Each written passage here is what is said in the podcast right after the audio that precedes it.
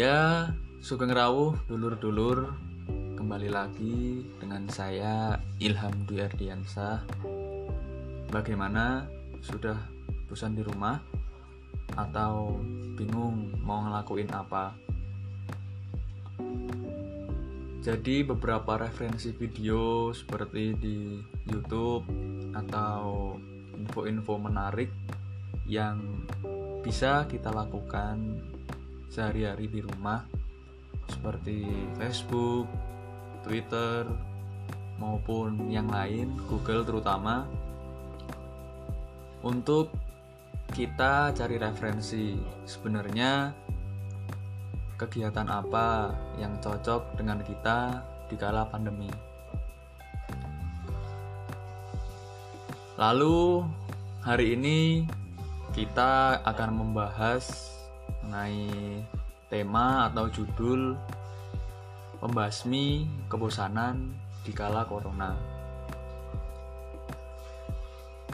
Awalnya corona ini kita ketahui berasal dari Wuhan yang ada di Cina di akhir-akhir Desember. Namun waktu masuk di Indonesia sendiri eh, menurut sumber yang saya baca di bulan awal tahun tapi memang baru-baru kerasa di minggu kedua Maret atau awal Maret karena pada saat itu saya pribadi dan lima teman yang lain sedang melakukan kewajiban magang.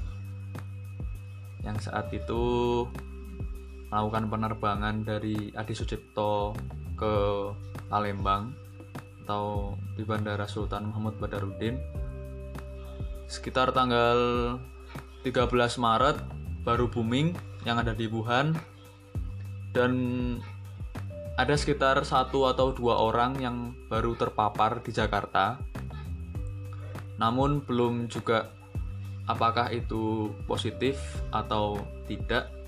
Yang yang saat itu saya cari, oh ya dia positif, positif corona dan sempat viral beritanya sampai rumahnya uh, dihampiri warga pokoknya sampai diperlakukan hal-hal yang tidak baik seperti itu.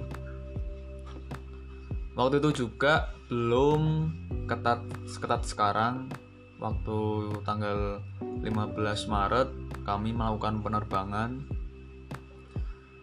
tapi tidak perlu yang namanya surat keterangan sehat, surat keterangan bebas COVID karena memang di saat-saat seperti itu belum segenting sekarang Orang-orang juga belum memakai masker seperti saat ini masih biasa. Namun juga muncul rasa was-was atau waspada pada saat itu. Berbeda dengan di kondisi bandara, masyarakat atau orang yang mau melakukan penerbangan yang biasanya tidak memakai masker di sana berbondong-bondong semua memakai masker. Tidak ter, tidak terkecuali kami yang mau uh, magang. Terus juga sebelumnya alhamdulillah ini sudah podcast yang kelima ya keenam sama yang keenam sama yang testing.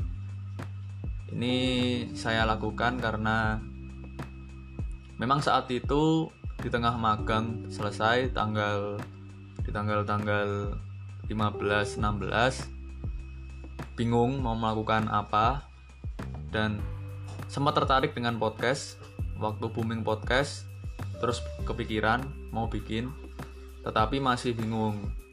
Nanti gimana caranya terus konten mau yang mau dibuat bagaimana dan harus latihan untuk berbicara dan sebagainya. Sampailah diputuskan tanggal 20 Mei atau 20-an Mei akhirnya membuat coba-coba waktu itu dengan kawan saya Fitria membuat podcast dengan bahasan apa?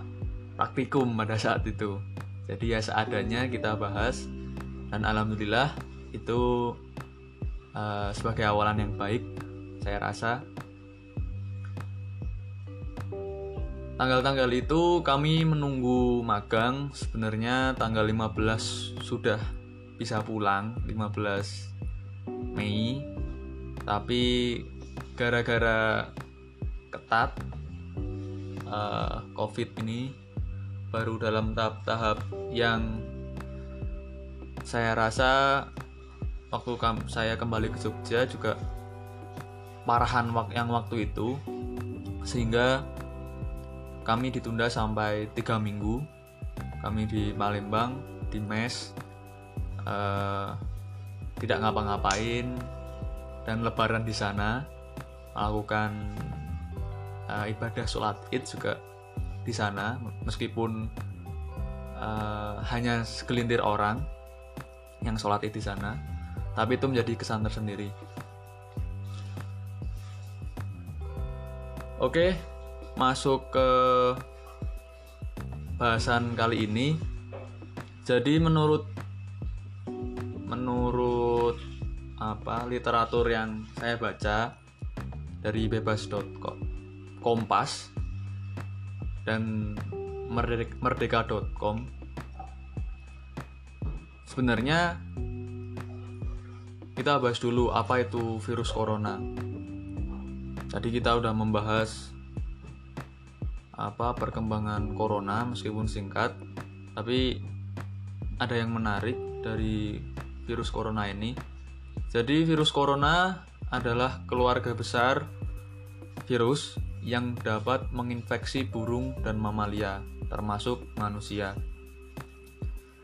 Menurut WHO virus ini menyebabkan penyakit mulai dari flu ringan hingga infeksi pernafasan yang lebih parah seperti MERS dan SARS.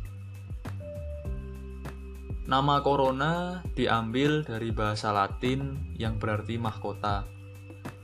Sebab bentuk virus corona memiliki paku yang menonjol menyerupai mahkota. Dan corona dan corona info saat ini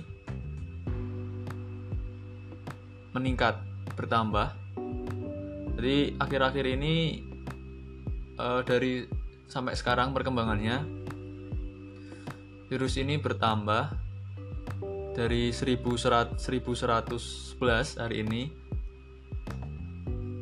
dan yang kemarin juga sekitar seribuan kasus jadi total di Indonesia sekarang 36.406 orang yang meninggal akibat corona.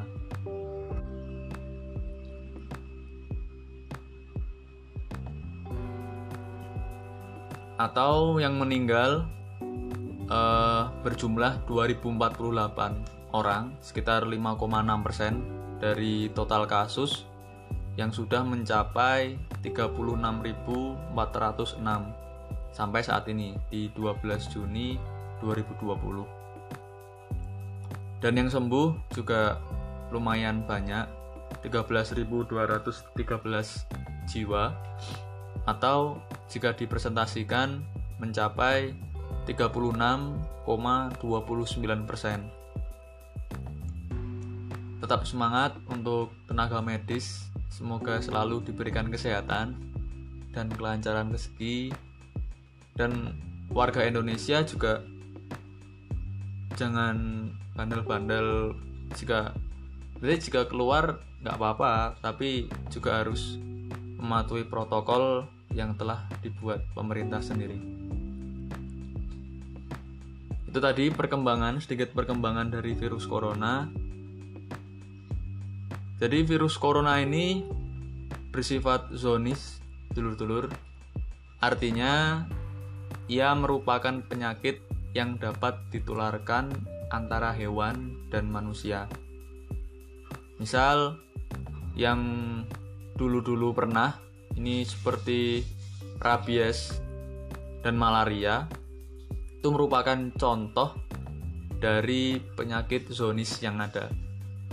Begitu pula dengan MERS yang ditularkan dari unta ke manusia. Jadi memang corona tidak satu-satunya yang bisa ditularkan antara dari hewan ke manusia, tapi juga beberapa penyakit ternyata sudah ada sebelum virus corona ini. Selama 70 tahun terakhir, para ilmuwan telah menemukan penemuan bahwa virus corona dapat menginfeksi tikus atau hewan-hewan yang sering lah berada di sekitar kita seperti tadi tikus, anjing, kucing, kalkun, kuda, dan hewan ternak lain. Beberapa. Terkadang hewan-hewan ini juga menularkan virus corona ke manusia. Virus corona bertanggung jawab atas beberapa wabah di seluruh dunia, termasuk pandemi. Ya, ini yang SARS yang dulu juga pernah jadi wabah di tahun 2000 sampai 2003. SARS ini atau yang bisa disebut sindrom pernafasan akut parah yang juga berasal dari Cina, tepatnya di Cina Selatan. Dan epidemi, tapi bukan bukan skala pandemi, hanya epidemi atau sedikitnya di 26 negara di Asia, Eropa, Amerika Utara dan Amerika Selatan. Namun mungkin untuk info infonya tidak se booming virus corona ini yang atau COVID-19 ini yang di mana-mana kita mesti tahu update-nya dan sebagainya. Waktu di tahun 2002 2003 waktu itu saya masih umur 5 tahun juga belum belum apa ya belum update atau mungkin karena memang hanya beberapa negara yang terpapar tidak seperti sekarang jadi informasinya belum menyebar seperti sekarang yang sangat-sangat masif seperti itu. Laman Organisasi Kesehatan Dunia WHO menyebutkan virus corona SARS yang diidentifikasi pada 2003 juga diyakini dari hewan. Sumbernya sama, sampai sekarang diperkirakan juga masih kelelawar yang menular ke luak lantas menginfeksi manusia. Pertama kali di provinsi Guangdong, Cina pada 2002. Dari Guangdong terus ke Wuhan. Akankah besok juga masih ada virus dari Cina lagi di tahun-tahun yang akan datang? Ya, kita tidak tahu. Selain SARS, ada juga wabah MERS. Nah, ini bukan di Cina, di Korea Selatan pada tahun 2015. Di lima tahun sebelumnya sebenarnya kita juga dihadapkan oleh wabah uh, yang sekarang COVID, yang dulunya SARS dan juga ada MERS di Korea Selatan pada tahun 2015 pun juga ternyata beritanya juga tidak mengebohkan seperti COVID-19 ini. Tidak se itulah semasif sekarang karena mungkin yang terdampak juga tidak di berbagai belahan dunia, hanya negara-negara tertentu. Baru-baru ini virus corona muncul kembali. Tadi yang disebutkan dengan nama COVID-19. Virus corona yang dulunya itu menimbulkan SARS dan MERS sekarang ganti nama kembali atau dengan nama yang baru karena memang evolusi dari virus yang berkembang itu sekarang namanya COVID-19 karena memang berkembangnya ini di tahun 2019 jadi dinamakan ada COVID-19-nya di belakang. Yang memicu wabah di Cina, kembali lagi di Cina di Wuhan tepatnya pada Desember 2019. Setelah ditelusuri, ternyata beberapa orang yang terinfeksi memiliki riwayat yang sama, yaitu mengunjungi pasar basah makanan laut dan hewan lokal di Wuhan. Kalau Indonesia juga ada, yaitu di Pasar Tomohon, Manado. Ini menyediakan berbagai jenis binatang. Di sana ada anjing, tikus, ular, kucing, dan sebagainya yang sudah banyak juga kita bisa lihat di YouTube. Jadi beberapa video di pasar Tomohon ini bisa dibilang uh, Wuhannya Indonesia terkait tentang pasar hewan lokalnya. Lalu setelah itu juga habis dari uh, di Wuhan, COVID ini merebak di berbagai negara sehingga WHO mendeklarasikannya sebagai pandemi global. Sebenarnya saya pribadi juga kurang memahami bagaimana penyakit itu bisa dikatakan indikatornya pandemi, epidemi dan sebagainya. Eh, singkat yang saya tahu bahwa pandemi itu penyakitnya secara global, jadi tidak hanya di negara atau beberapa negara saja, beberapa negara kecil yang terdampak, namun hampir semua negara terkena tentang penyakit ini. Nah, makanya itu dinamakan pandemi. Dilansir dari The New York Times, pasar kemudian ditutup dan dides didesinfeksi sehingga hampir tidak mungkin untuk menyelidiki hewan mana yang mungkin merupakan asal mula yang tepat. Jadi tindakan ini dirasa juga terburu-buru, tergesa-gesa karena akhirnya tidak dapat menyelidiki sebenarnya hewan mana yang mungkin merupakan asal mula yang tepat. Prediksinya ya tadi kelelawar adalah uh, pembawa dari virus yang merebak sampai saat ini. Wuhan dipercaya sebagai pusat wabah bermula. Hal ini didasarkan data 40 kasus pertama pada Desember 2019 yang 66% memiliki kontak dengan pasar tersebut. Tapi ada juga teori yang menyebutkan kalau virus ini muncul dari kebocoran sebuah lab penelitian di kota tersebut namanya Wuhan Institute of Virology. Jadi institusi atau perguruan tinggi yang fokusnya di virus. Dan di lab tersebut memang ada penelitian tentang virus corona dari kelelawar. Dan memang penelitian ini dirancang untuk mencegah pandemi seperti SARS, MERS yang akan diprediksikan terjadi lagi seperti itu. Direktur Jenderal Organisasi Kesehatan Dunia WHO atau Tedros Adhanom Ghebreyesus menyebut spekulasi seputar virus corona sebagai berita palsu. Tapi hal itu tak menghentikan kemunculan teori-teori lainnya. Nih, yang terbaru, yang terbaru menarik seorang tentara cadangan Amerika Serikat dan ibu dari dua anak namanya uh, Maje Penasi menjadi sasaran perundungan di media sosial. Jadi Benasi ini disebut sebagai orang yang membawa virus COVID-19 ke Tiongkok.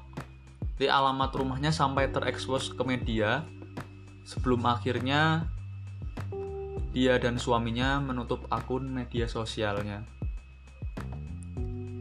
Meskipun keduanya ini sama-sama bekerja untuk pemerintah Amerika Serikat, mereka merasa tak berdaya dengan segala macam bulian yang dilakukan di media sosial sampai Binasi ini mm, mengeluarkan statement saya ingin semua orang berhenti melecehkan saya karena ini adalah penindasan dunia maya kepada saya dan sudah tidak terkendali. Karena memang Benasi dan keluarganya merasa ada intimidasi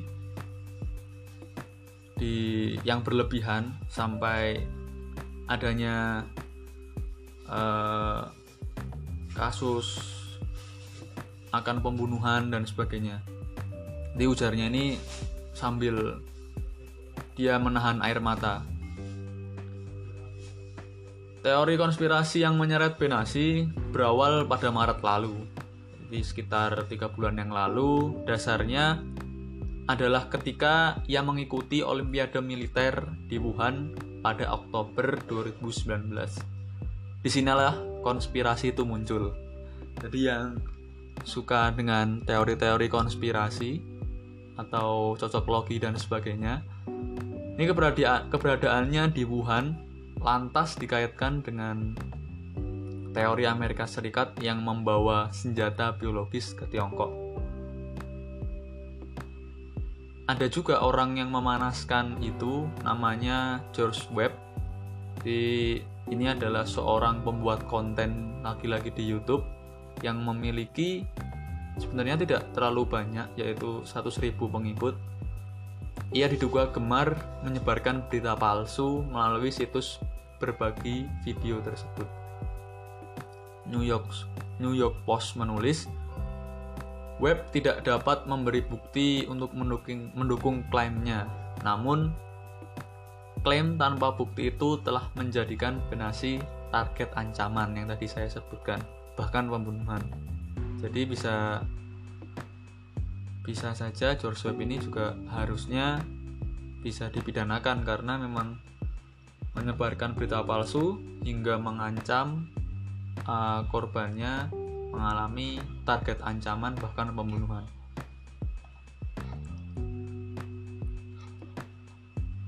Saat ini dikenal tujuh jenis virus corona yang dapat menginfeksi manusia. Jenis yang paling umum ada empat, dan sebuah penelitian menyebutkan bahwa virus keempat virus tadi memiliki urutan sekuen genetik yang mirip 88% dengan virus corona dari kelelawar. Nah, hal inilah yang menjadi dugaan sementara dari mana virus corona muncul. Jadi ada 229E, NL63, OC43, HKU1 dan saya sendiri juga belum paham mengenai hal itu uh, perbedaannya apa dan mungkin juga gejala yang ditimbulkan akan berbeda. Sebagaimana infeksi corona lain, tampilan klinisnya dari tan dari tanpa gejala.